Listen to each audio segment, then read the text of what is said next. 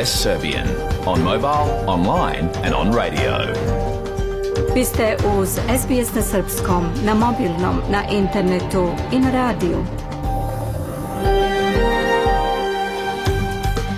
SBS odaje priznanje tradicionalnim vlasnicima zemlje sa koje danas emitujemo program na srpskom, Ovim izražavamo poštovanje prema narodu Renđer i Vojvurung, pripadnicima nacije Kulin i njihovim prošlim i sadašnjim starešinama. Takođe odajemo priznanje tradicionalnim vlasnicima zemlje iza svih aboriđinskih naroda i naroda sa ostrava iz Toresovog Moreuza, za čije zemlje slušate program. Dobar dan, danas je utorak 23. januar 2024. Ja sam Biljana Ristić. U današnjem programu posle pregleda vesti opširan sportski izveštaj zatim ćemo govoriti o novom istraživanju koji pokazuje da samo 47 australijanaca drži većinu bogatstva u svojim rukama. A nova terapija za pacijente sa uznapredovanim melanomom bit će uvrštena u program farmaceutskih beneficija, o čemu ćemo reći u okviru zdravstvene teme danas. Ostanite sa nama do 16 časova, sledi pregled vesti.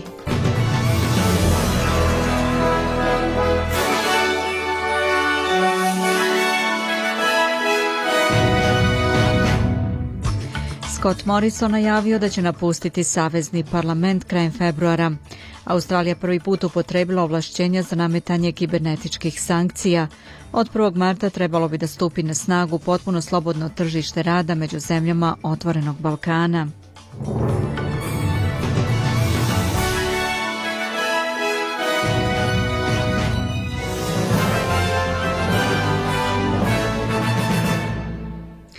Bivši premijer Scott Morrison najavio je da će napustiti savezni parlament krajem februara. Gospodin Morrison je još sredinom prošle godine bio izložen pritisku od strane partijskih kolega da se povuče sa funkcije nakon objavljivanja izveštaja Kraljevske komisije o aferi Robodebt.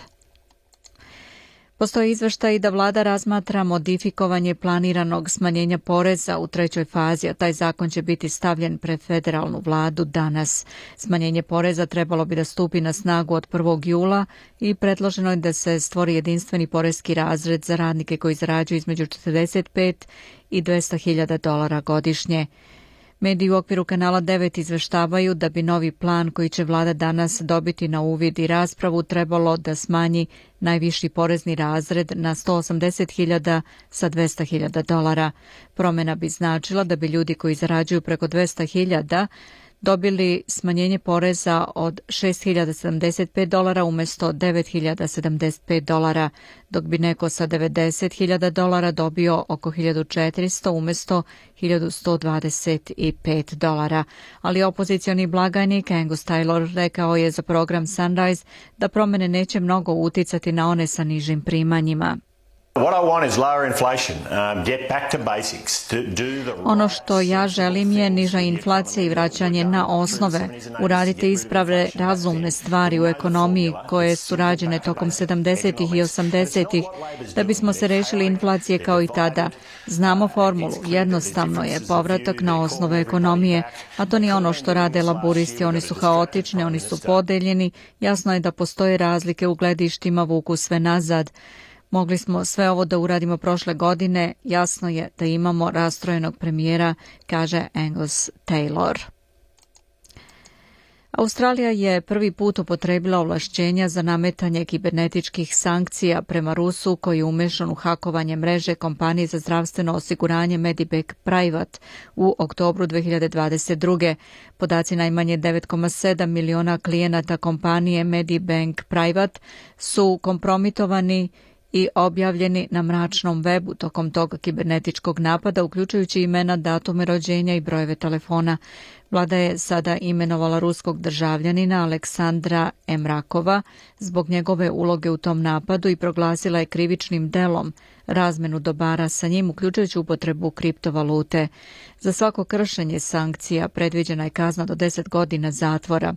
Ministarka za kibernetičku bezbednost Claire O'Neill kaže da je ovo istorijski dan nazivajući hakovanje Medibank private mreže jednim od najrazornijih kibernetičkih napada koji je Australija doživela. We all went through it, literally millions of people having personal data about themselves, about their Svi smo prošli kroz to bukvalno milioni ljudi kojima su njihovi lični podaci i podaci članova porodica ukradeni i surovo postavljeni na internet da ih drugi vide. Mislim da nam je to pomoglo da shvatimo koliko ogromnu cenu ovaj problem ima za sve nas australijance ako se ne uhvatimo u koštac sa ovim izazovom. To nam je takođe pokazalo nešto o kalibru ljudi sa kojima imamo posla u pogledu ovog problema na drugoj strani. Ovi ljudi su kukavice i đubrad, rekla je ona.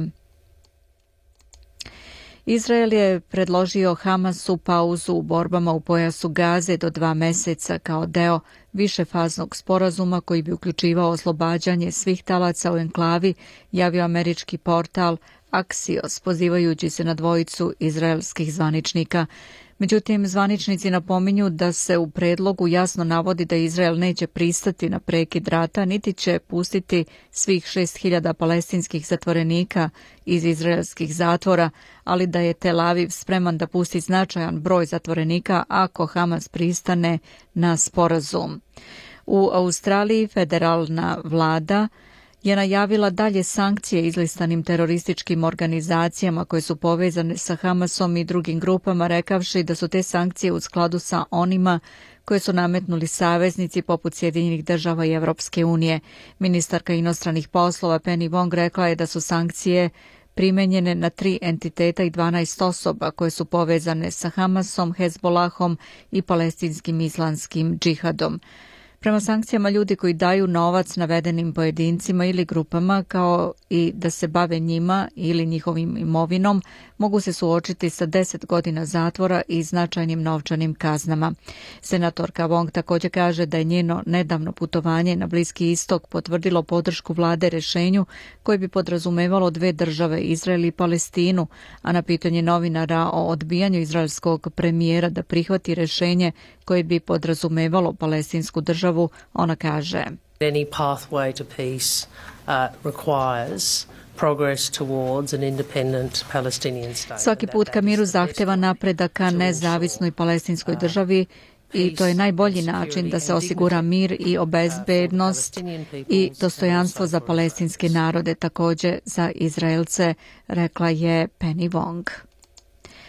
Sjedinjene države i Velika Britanija izvale su nove zajedničke vazdušne napade na ciljeve Huta u Jemenu, potvrdio je Pentagon.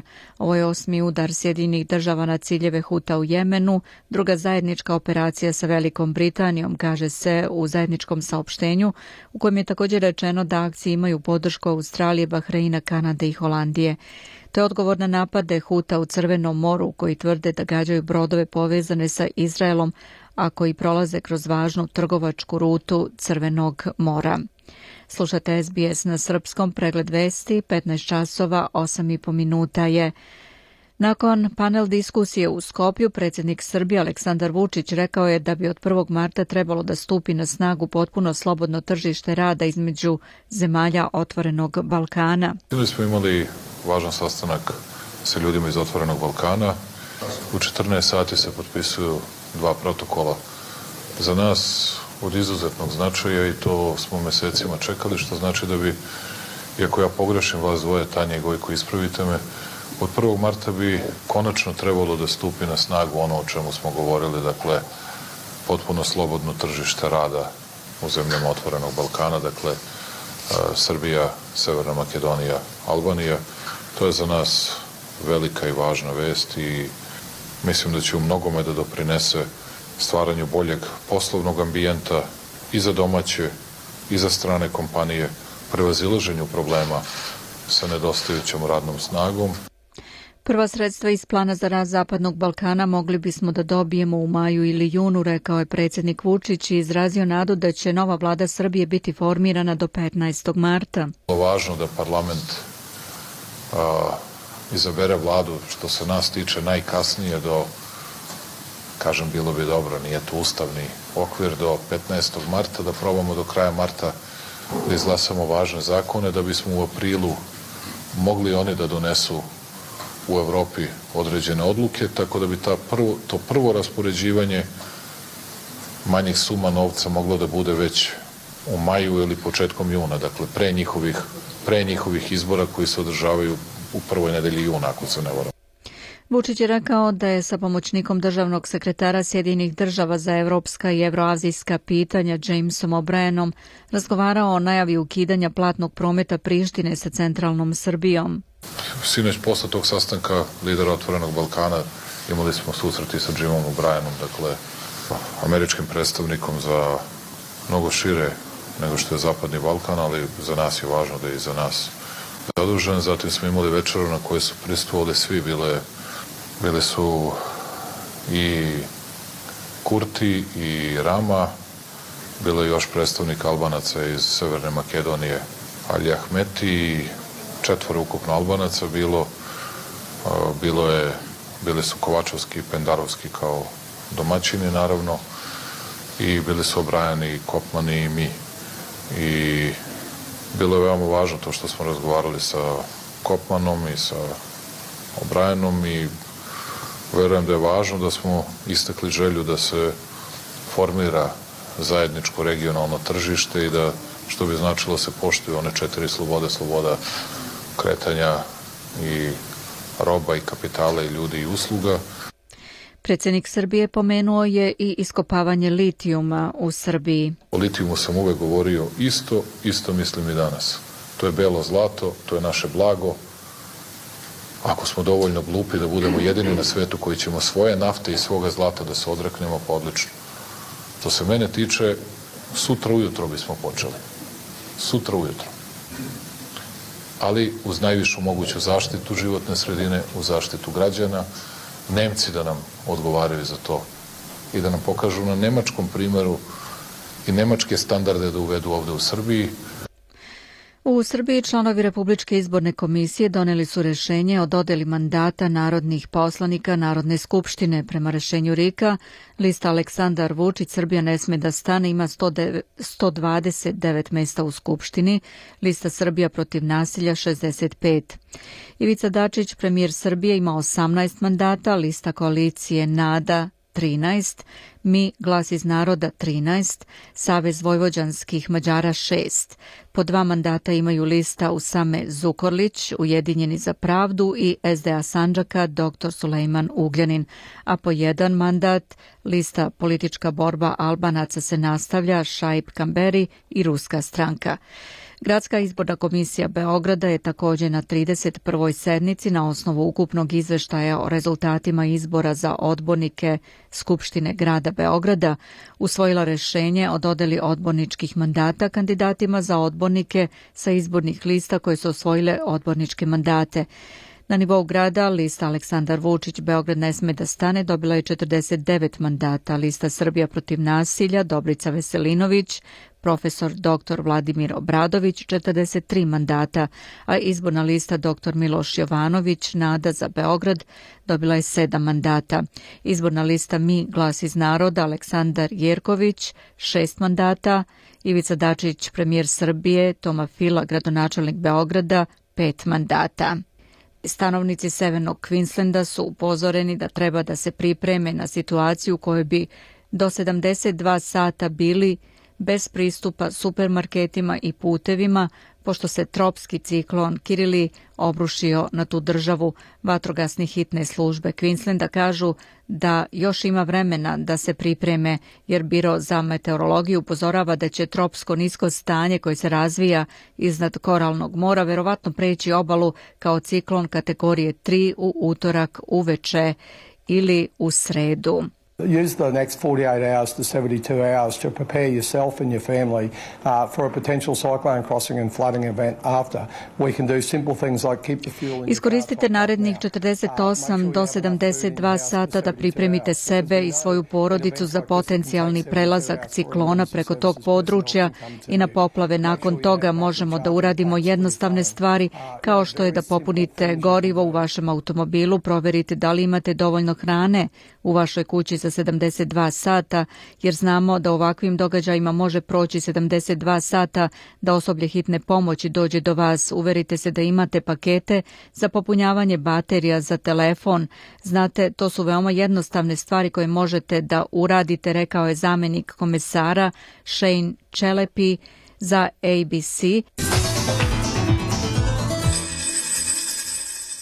Da pogledamo i kolika je vrednost australijskog dolara danas. Prema američkom dolaru vredi 66 centi, 60 euro centi, 52 britanska penija i 70 srpskih dinara, 82 pare.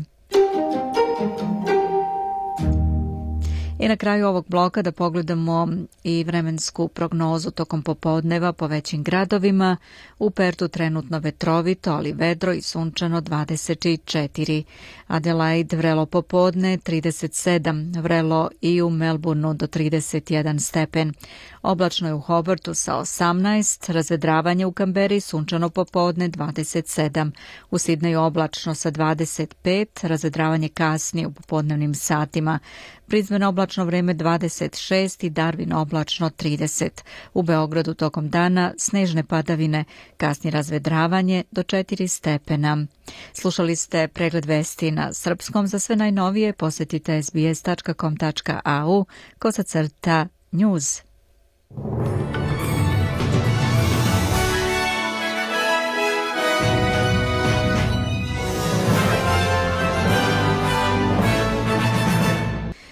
Slušate program na srpskom jeziku. Ja sam Biljana Ristić, 15 časova, 18 minuta je.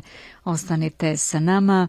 U nastavku iz sporta, u Melbourneu se danas igraju prvi mečevi četvrt finala Australijan Opena. Na otvaranju programa u ženskoj konkurenciji, Amerikanka Coco Goff igra sa Ukrajinkom Martom Kostjuk. Trenutno rezultat 6-1, 6-2, i 5-5. Novak Đoković i Taylor Gritz tek treba da izađu na teren. Kao što vidim, taj meč je bio predviđen da već počne, ali oko 3.20 sada piše na web sajtu Australian Opena. Što je sve obeležilo prethodni dan na Australian Openu i kakva nas teniska uzbuđenja očekuju večeras, čućemo u pregledu koje je pripremio Branko Cvetojević.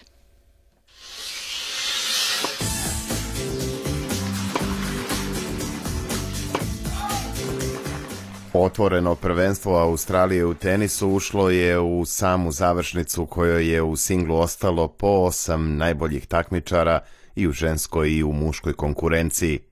Četvrt finale su otvorile Ukrajinka Marta Kostjuk i Amerikanka Coco Goff, a nedavno je počeo i prvi meč tenisera u kojem se sastaju prvi nosilac i branilac titule Novak Đoković iz Srbije i Taylor Fritz iz Sjedinjenih država. U večerašnjem programu igraće se meč između aktuelne šampionke Arine Sabalenke iz Belorusije i Čehinje Barbore Krejčikove, a zatim sledi i drugo muško četvrt finale, duel četvrtog i petog nosioca, italijana Janika Sinera i Rusa Andreja Rubljova. Najveću pažnju svetske javnosti prethodnog devetog dana Australijan Opena – privukao je meč muške osmine finala u kojem su se sastali Carlos Alcaraz iz Španije i srpski teniser Miomir Kecmanović. Mladi Španac je opravdao zvanje favorita iako je Kecmanović pružao jak otpor tokom prva dva seta. Alcarazu je bio dovoljan po jedan brejk u oba ova seta da povede sa 2-0, a zatim je svetski reket broj 2 odigrao besprekoran treći set koji je dobio bez izgubljenog gema – S druge strane, Kecmanović je plasmanom u četvrto kolo ponovio najbolji rezultat karijere na Australijan Openu, zabeležen i pre dve godine. Posle poraza od Alkarasa, 24-godišnji Beograđanin je izrazio zadovoljstvo onim što je prikazao u prva dva seta, ali i priznao da je Španac još jednom pokazao zbog čega se nalazi u krugu najvećih favorita za titulu. Mislim da sam igrao ok, da nije to bilo sad toliko toliko loše prva dva seta sam eto izgubio jedan break e, prvi eto malo bez veze sa Necem onim drugi isto bez veze sam izgubio ali mislim da smo ono igrali smo okej okay, e, nije bilo kao pre što znam kad obično igram sa nekim tako da prvi set e, bukvalno poklonim, pa onda tek nešto krenem da igram, tako da sigurno da sad to malo bolje, eto da sam barem od starta krenuo da igram, a treći set je jednostavno počeo a, e, dosta bolje da igram. Pričao sam s jednim što je komentarisao meč, a, e, rekao je gledaj, ono, servirao sam 71% prvog u trećem, imao sam šest izuđenih grešaka. Tako da, ako gledaš statistiku, nije baš da sam ja sad nešto odradio e, loše, da sam dao ili da sam odustao i jednostavno je našao ritam i, ni, i nisam uspeo da se s tim izborim. Kecmanović je govorio i o raspletu u završnici Australijan Opena i ocenio da se u Melbourneu pokazalo da se na vrhu svetskog tenisa sada izdvajaju četvorica najboljih, predvođeni Novakom Đokovićem. Kako je istakao mladi srpski teniser, veliku četvorku čine još Carlos Alcaraz, Daniel Medvedev i Janik Siner – koji su prema njegovom mišljenju pokazali da između njih i ostalih tenisera postoji značajna razlika. On, Nole, Siner i Medvedev su, ja mislim, napravili tu razliku odnosu na ostatak e, top teme i ovaj nas ostalih, tako da jednostavno vidiš gde si i trudiš se da, da smanjiš tu razliku i da, dođe, da im se približiš. Miomir Kecmanović će posle uspešnog učešća u Melbourneu napredovati sa 60. na najmanje 41. poziciju na ATP listi. Naredni turnir na kojem će učestvovati verovatno će biti Delray Beach na Floridi, koji počinje 9. februara, a na kojem Kecmanović brani prošlogodišnji plasman u finale, u kojem je poražen od Taylora Frica.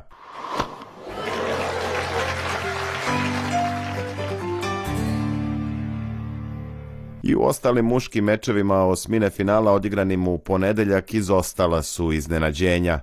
Očekivano Danil Medvedev je savladao Portugalca Borgesa koji je favoritu iz Rusije ipak uspeo da uzme jedan set. Najviše neizvesnosti viđeno je u duelu Aleksandra Zvereva i Camerona Norija, u kojem je nemački teniser zabeležio pobedu protiv Britanca tek u tajbreku petog seta – Jedini pored Alkarasa koji je ostvario maksimalnu pobedu bio je Poljak Hubert Hurkač u duelu sa Arturom Kazom. Ipak, mladi Francus je pružio odličnu igru i u sva tri seta je naterao devetog tenisera sveta da se dobro pomuči kako bi došao do pobede. Kazao je najprijatnije iznenađenje ovogodišnjeg Australijan Opena, pošto je u glavni žeb ušao sa specijalnom pozivnicom organizatora kao 122. igrač sa svetske ATP liste.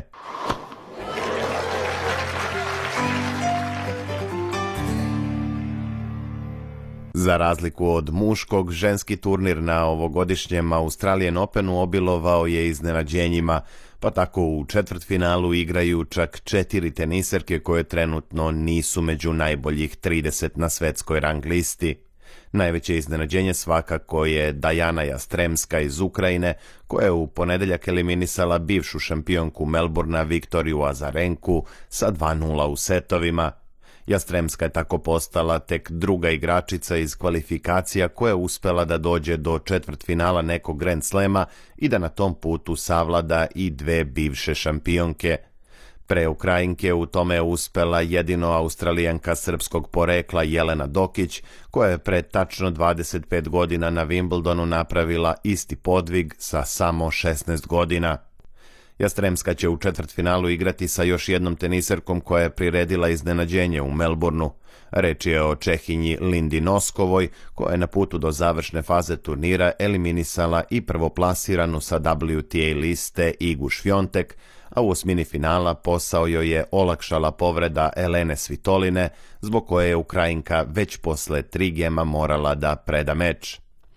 Pored već pomenute šampionke Arine Sabalenke koja je do sada pružala najbolje igre u ženskoj konkurenciji, u osmini finala se odličnom partijom izdvojila i kineska teniserka Qin Wenzheng.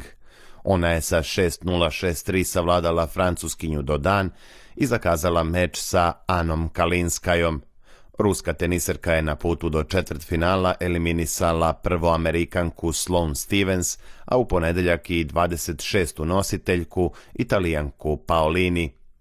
Čuli ste pregled najvažnijih dešavanja na teniskom Australian Openu u Melbourneu.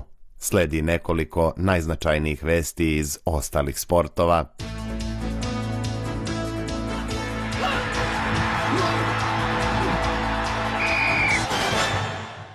Futbalska reprezentacija Australije večeras igra protiv Uzbekistana u poslednjem kolu grupne faze takmičenja Kupa Azije. Sokerusi su se pobedama u prva dva meča već plasirali u narednu rundu turnira koji se igra u Kataru, a duel sa Uzbekistancima odlučit će koji od dva tima ide dalje sa prvog mesta u grupi. Selekcija Australije biće dovoljan i nerešen rezultat. Košarkaški klubovi Partizan i Mega oprostili su se sinoć od Dejana Milojevića, nekadašnji košarkaški reprezentativac Srbije koji je iznenada preminuo u 46. godini od posledica srčanog udara, tokom uspešne karijere igrao je za crno-bele, a bio je trener Mege – Dva kluba su sinoć odigrala utakmicu Jadranske lige pred više od 23.000 gledalaca u Beogradskoj areni, koji su minutom čutanja, a zatim i skandiranjem Milojevićevog imena, odali poslednju poštu bivšem kapitenu Partizana. Meč između Partizana i Mege završen je ubedljivom pobedom crnobelih od 112.80. Rukometne reprezentacije Francuske, Danske i Švedske plasirale su se u polufinale Evropskog prvenstva u Nemačkoj na kolo pre kraja druge grupne faze takmičenja. Poslednje četvrto mesto u borbi za medalje popuniće drugoplasirana ekipa iz grupe 1, a najveće šanse za to ima selekcija domaćina – Naime, Nemačka je u pretposlednjem kolu pobedila Mađarsku sa 35-28 i stekla bod prednosti u odnosu na direktnog rivala – Za plasman u polufinale Nemcima je potrebna pobeda protiv poslednje plasirane Hrvatske, dok će selekcije Austrije i Mađarske vrebati eventualni neuspeh domaćeg tima kako bi došle do mesta koje vodi među četiri najbolje reprezentacije u Evropi. SBS ogledalo aktualnih zbivanja u sportu.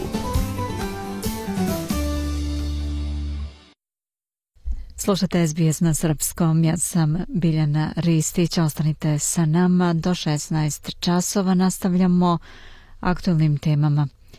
Dok se Australijanci suočavaju sa krizom troškova života, milijarderi obaraju rekorde u bogaćenju. Novi izveštaj Oxfama pod nazivom Inequality INC otkriva da se bogatstvo 47 australijskih milijardera udvostručilo na 255 milijardi dolara u poslednje dve godine, izveštava Adriana Weinstock za SBS News. Ovo znači da 47 ljudi u Australiji posjeduje više bogatstva nego oko 7,7 miliona australijanaca.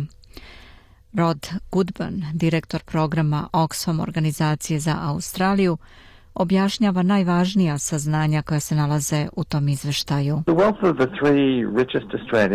Bogatstvo trojice najbogatijih australijanaca se više nego udvostručilo od 2020 zapanjujućom stopom od 1,5 miliona dolara po satu i to se dešava istovremeno kada milijarde ljudi širom sveta zaista teško rade i zarađuju. Znamo za krizu troškova života u Australiji, ali ima mnogo ljudi širom sveta koji su nazadovali istovremeno dok su ovi milioneri i milijarderi nastavili da gomilaju ogromne količine bogatstva. Ono što vidimo ove godine i ove decenije je galopirajuće bogaćenje i koncentracija bogatstva na vrhu dok se drugi ljudi nazaduju, kaže on.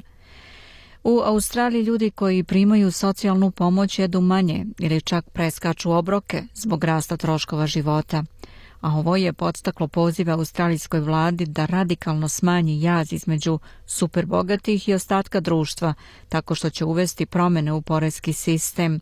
Ali Brendan Rain, glavni ekonomista i partner u globalnoj agenciji koja obuhvata profesionalne savetodavne kompanije u oblasti oporezivanja i porezkih revizija, KPMG Australija kaže da ova dva problema nisu povezana.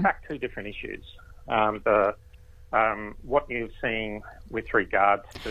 U stvari postoje dva različita pitanja. Ono što ste videli u vezi sa milijarderima koji poboljšavaju svoj status i bogatstvo je u suštini zbog toga što su preduzeća u koja su investirali rasla tokom poslednjih nekoliko godina neverovatnom brzinom. Kriza troškova života je nešto sasvim drugo. To je u vezi sa inflacijom, koja izjeda stvarnu kupovnu moć domaćinstava i ono što ste jasno videli je za skoro svaku kohortu u Australiji da su njihovi raspoloživi prihodi nakon poreza danas manji nego pre dve godine. Uprkos tome, promene u porezkom sistemu će biti izvršene. Australijska vlada nastoji da 1. jula primeni treću fazu promena u porezkom sistemu. Ovom merom će se ukinuti raspon od 37 od 100 i smanjiti stopa sa 32,5 na 30 od 100 za sve radnike sa primanjima između 45.000 i 200.000 dolara. To znači da bi oni sa platama nešto iznad medijalne od 100.000 dolara uštedili više od 1.300 dolara poreza. Gospodin Goodman kaže da će ovo ići u korist samo onima na vrhu piramide.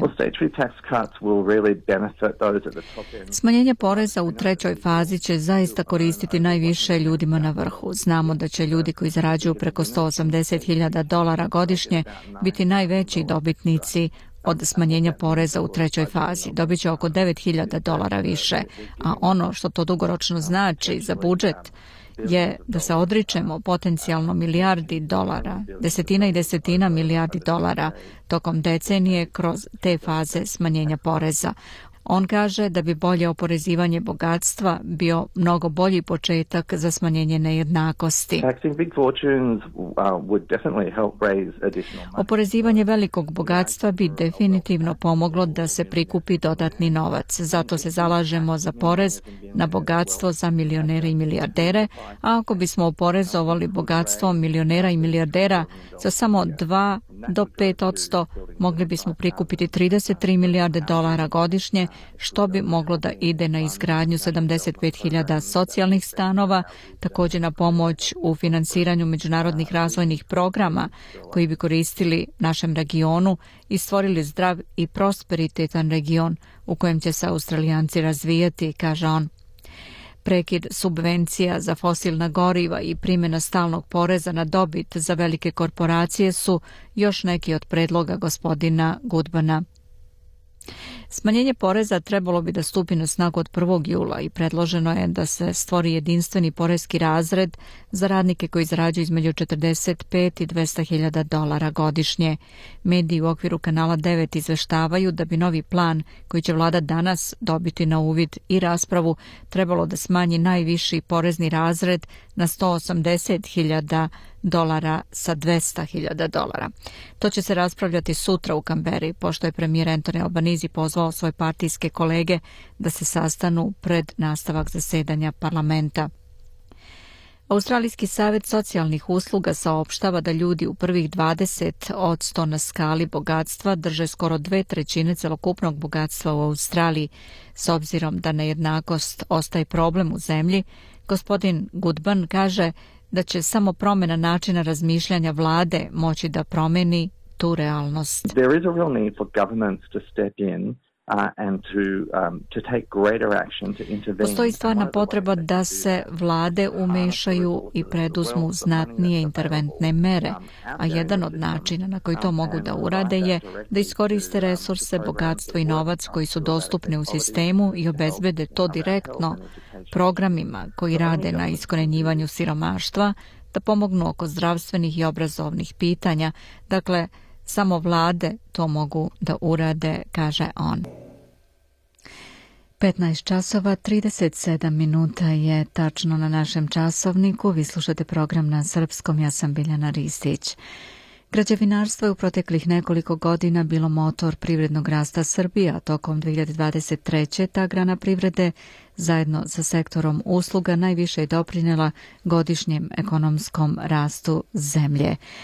O tome sa Mijom Nikolić, našom saradnicom iz Srbije, razgovara Branko Cvetojević. Da čujemo. Mija, dobar dan. Kažite nam, kakve su procene evropskih i srpskih analitičara kada je reč o trendu rasta u sektoru građevinarstva koji je obeležio proteklih nekoliko godina, zbog čega neki od njih smatraju da će se cela jugoistočna Evropa suočiti sa krizom u ovom sektoru tokom 2024.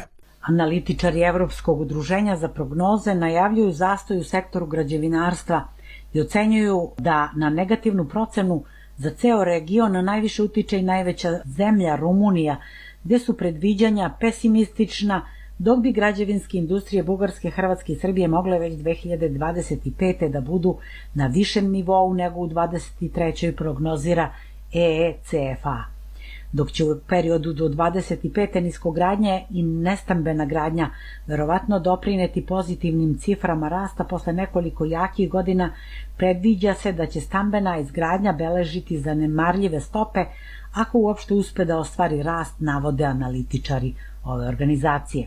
Za Srbiju je rečeno da je tokom 23. imala bolje rezultate nego što se očekivalo, da se privredni rast oporavi u drugoj polovini godine, a građevinarstvo zabeležilo nove rekorde. Prema podacima Republičkog zavoda za statistiku, rast bruto dodate vrednosti građevinarstva u Srbiji e, za 9 meseci 2023. u odnosu na isti period 22. iznosio 9,2%. Takvom rastu najviše i dalje doprinose aktivnosti na izgradnji saobraćajne infrastrukture, doprinos daje izgradnja cevovodnih, komunikacionih i električnih vodova, kao izgradnja komunalno-kanalizacione infrastrukture, naveo je RZS u svojoj analizi. Republički zavod za statistiku inače prognozira da će rast BDV-a e, građevinarstva u poslednjem tromesečju 23. iznositi oko 13%, kao i da će sektori usluga i građevinarstva najviše doprineti privrednom rastu u 2023. Što se tiče prognoze Za 2024. analitičari ECFA ocenjuju da se u Srbiji gradnja zgrada konsoliduje na umeren način, dok niskogradnja beleži dvocifrenu stopu rasta. Ublažavanje inflatornih pritisaka takođe pomaže stabilizaciji tržišta, dok visoke kamatne stope ostaju glavna prepreka rastu u kratkom roku upozoravaju analitičari Evropskog udruženja za prognoze u građevinskoj industriji. Profesor Milojko Arsić, urednik kvartalnog monitora, pa kaže da toliko rasta koliki je predstavljen nije ni bilo u 2023. već je to predejstvo kompenzacije zvanične statistike za pad u 22. koji opet nije bio toliki. Naša statistika ima problem da uhvati građevinski sektor, a mi mislimo da je u poslednje dve godine rast bio po 2%, kaže profesor Arsić. Doprinos građevinarstva bruto domaćem proizvodu Srbije veći je od sektora saobraćaja, telekomunikacija i energetike i iznosi oko 5,5% BDP-a, što je zadovoljavajuće, objavio je novi broj časopisa makroekonomske analize i trendovi. Mija, gde se takav zadovoljavajući rast u građevinarstvu svrstava u međunarodnim okvirima?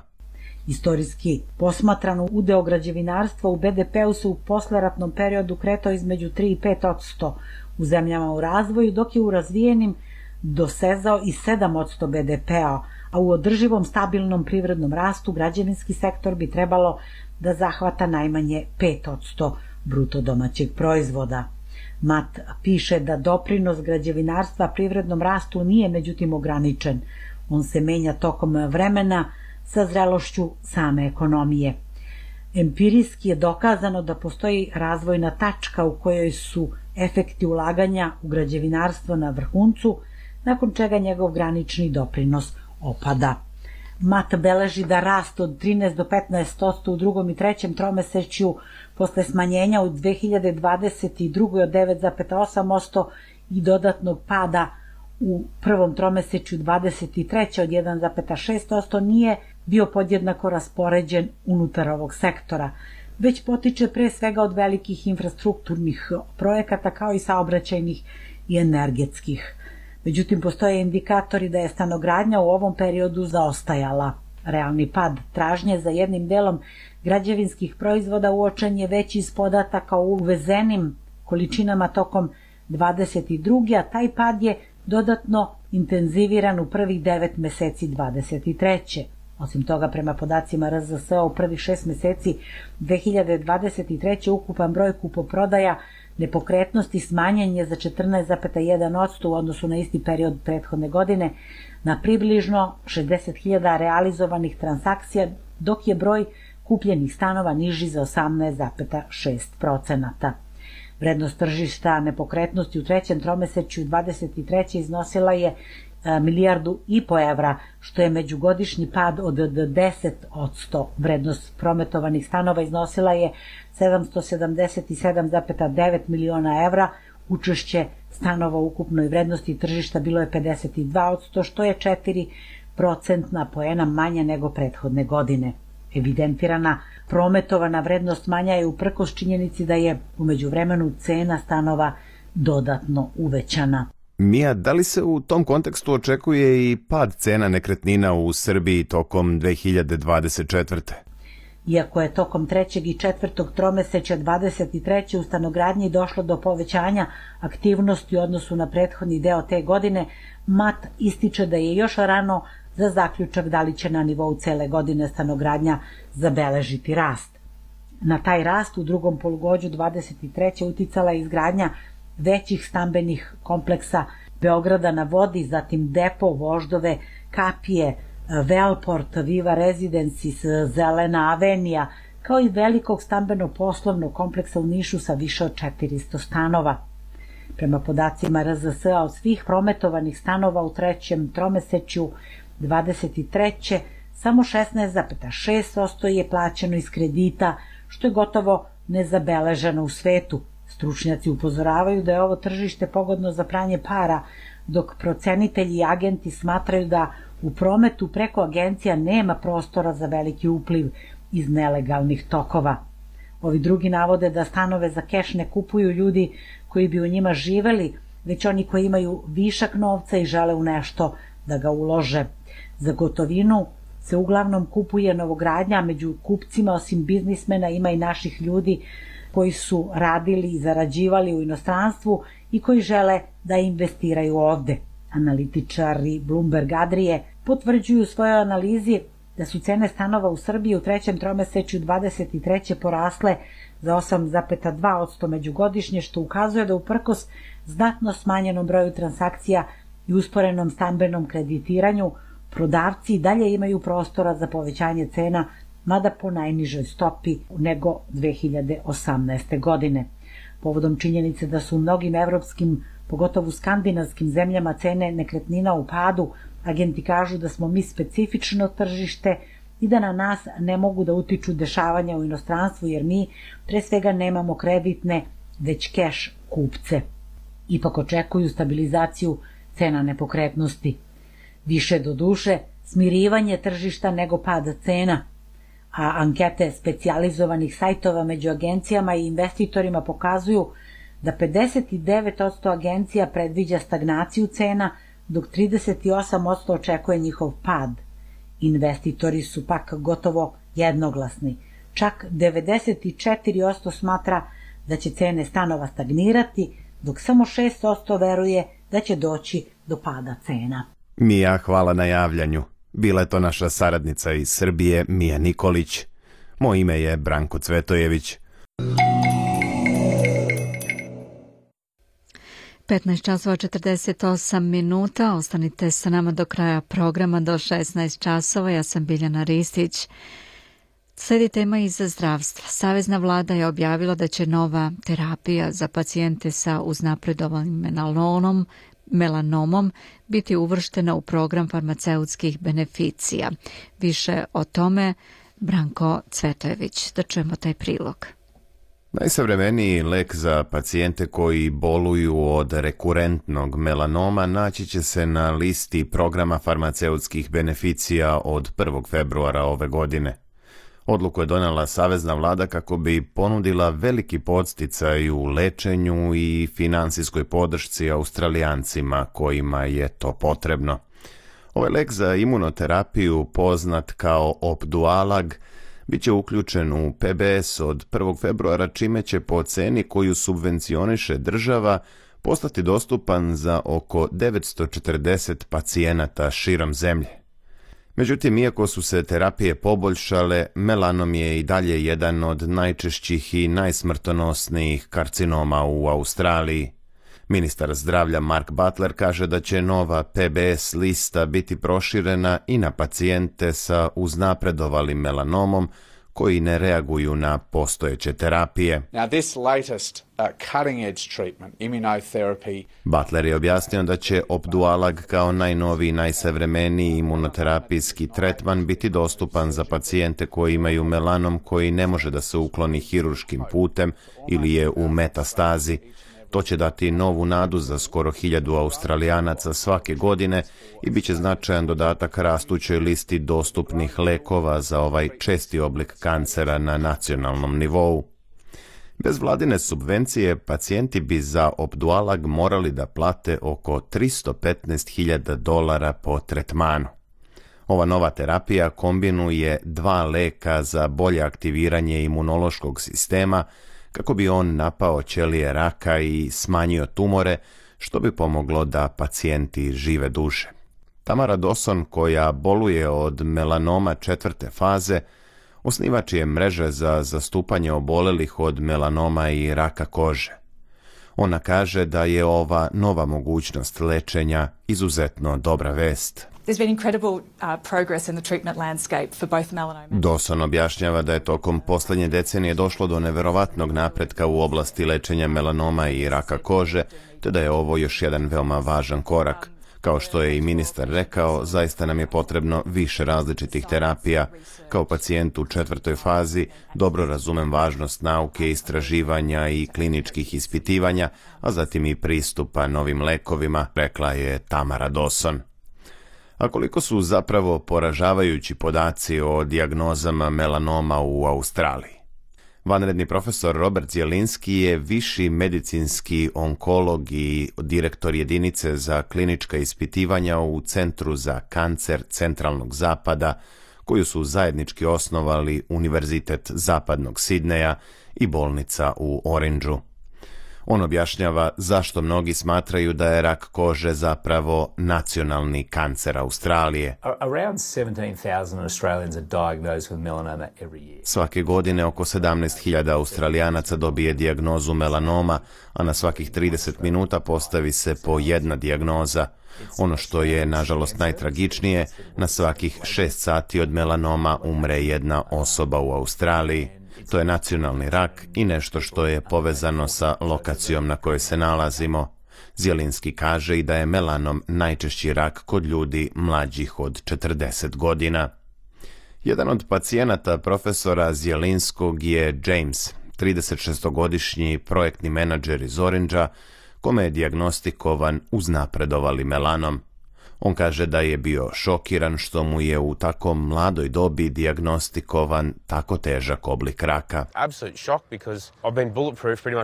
Za Jamesa je to bio apsolutni šok jer je ceo život mislio da je otporan i na metke. On kaže da većina ljudi njegovih godina i ne pomišlja da bi tako nešto moglo da im se desi, a onda na jednom saznaš – Kaže i da u tom trenutku nije imao vremena ni da obradi tu informaciju, jer je odmah došao profesor Zjelinski i objasnio mu šta treba da se radi i na koji način će to biti činjeno. Narednih šest meseci je opet upao u pravi vrtlog dešavanja, išao je čas tamo, čas ovamo, snimanja, pregledi. Zato mislim da sam i dalje malo uznemiren, jer nisam ni obradio sve u svojoj glavi, kaže James. Profesor Zjelinski otkriva podatak da se lečenje raka kože dramatično poboljšalo u protekloj deceniji. Prema njegovim rečima, pre 10 godina je otprilike svaka deseta osoba sa dijagnozom uznapredovalog melanoma bila živa 5 godina nakon dijagnoze. Sada je to skoro svaki drugi pacijent. Uzroci melanoma kao i predispozicije osoba da obole od ovog kancera su različite – a James objašnjava zašto lekari misle da je on bio podložniji upravo ovoj bolesti. Uh, James kaže da je u rizičnoj grupi za dobijanje uznapredovalog melanoma zbog velikog broja pega koje ima po koži.